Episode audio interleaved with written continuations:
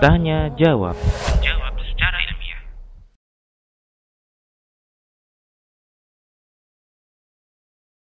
Waalaikumsalam warahmatullahi wabarakatuh. Zakat harta itu banyak. Ya.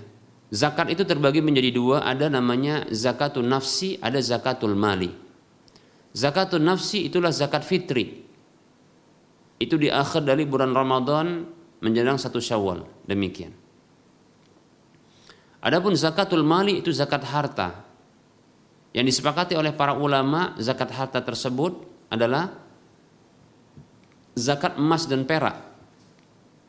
Disamakan dengan itu adalah zakat mata uang dari berbagai negara yang masih berlaku.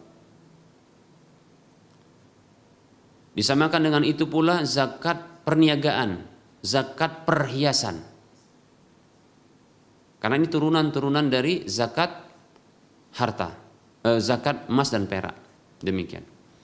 Yang kedua adalah zakat pertanian dan buah-buahan. Pendapat yang kuat wallahu taala alam adalah pertanian dan buah-buahan yang menjadi bahan makanan pokok di negeri tersebut. Maka wajib untuk dikeluarkan zakatnya. Kemudian yang ketiga adalah zakatu al-mawashi yaitu zakat hewan ternak. Dan yang disepakati oleh para ulama hewan ternak tersebut ada tiga.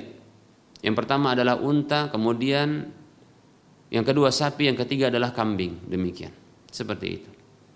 Ada juga namanya zakatul rikaz. Itu zakat barang-barang temuan yang ada di dalam bumi dari harta-harta orang-orang kafir terdahulu demikian seperti itu. Baik, kita belum tahu apa maksud dari zakat harta ini.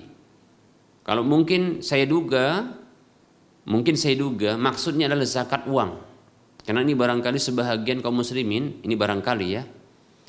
Kaum muslimin ketika bertanya tentang zakat uang, mereka mengatakan zakat harta, seperti itu. Baik ya. Karena saat ini memang uang itu adalah harta yang berharga. Baik zakat uang. Maka kita katakan saya prediksi ini dia.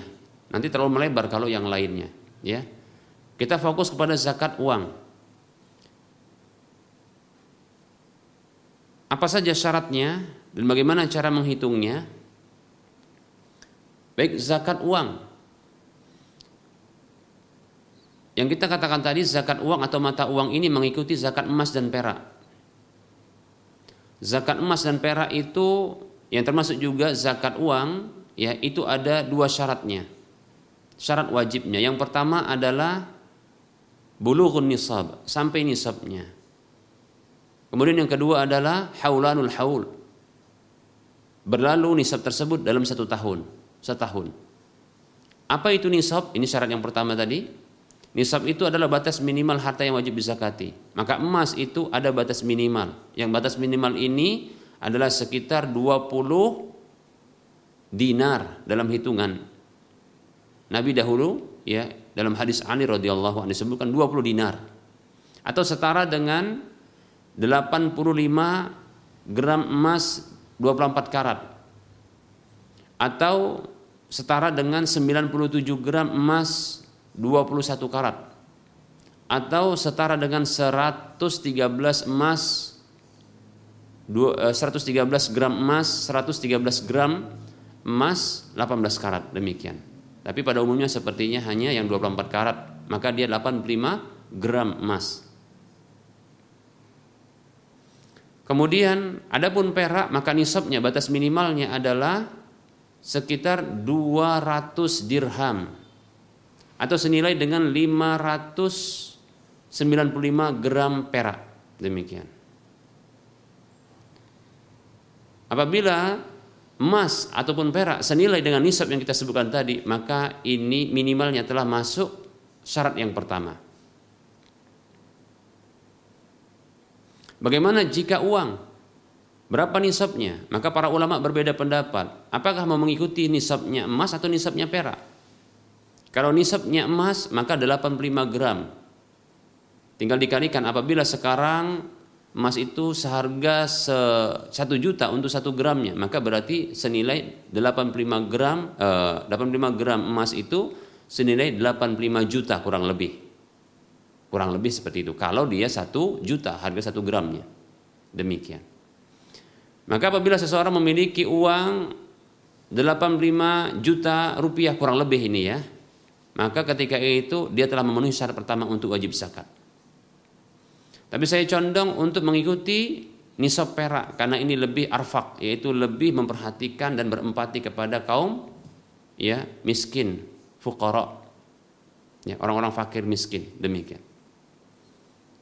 Maka satu gramnya dikalikan dengan ya e, nilai gram saat ini harga perak tersebut. Nanti dikalikan 595 gram.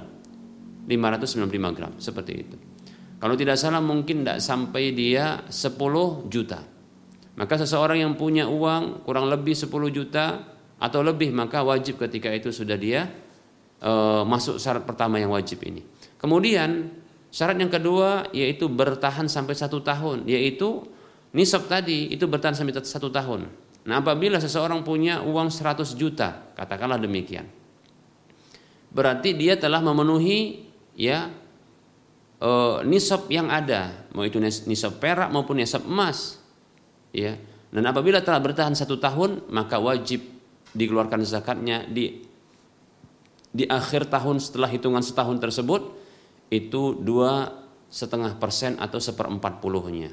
Maka dibayarkan, dikeluarkan seperempat puluhnya atau dua setengah persennya kepada fakir, miskin, ya, dan seterusnya.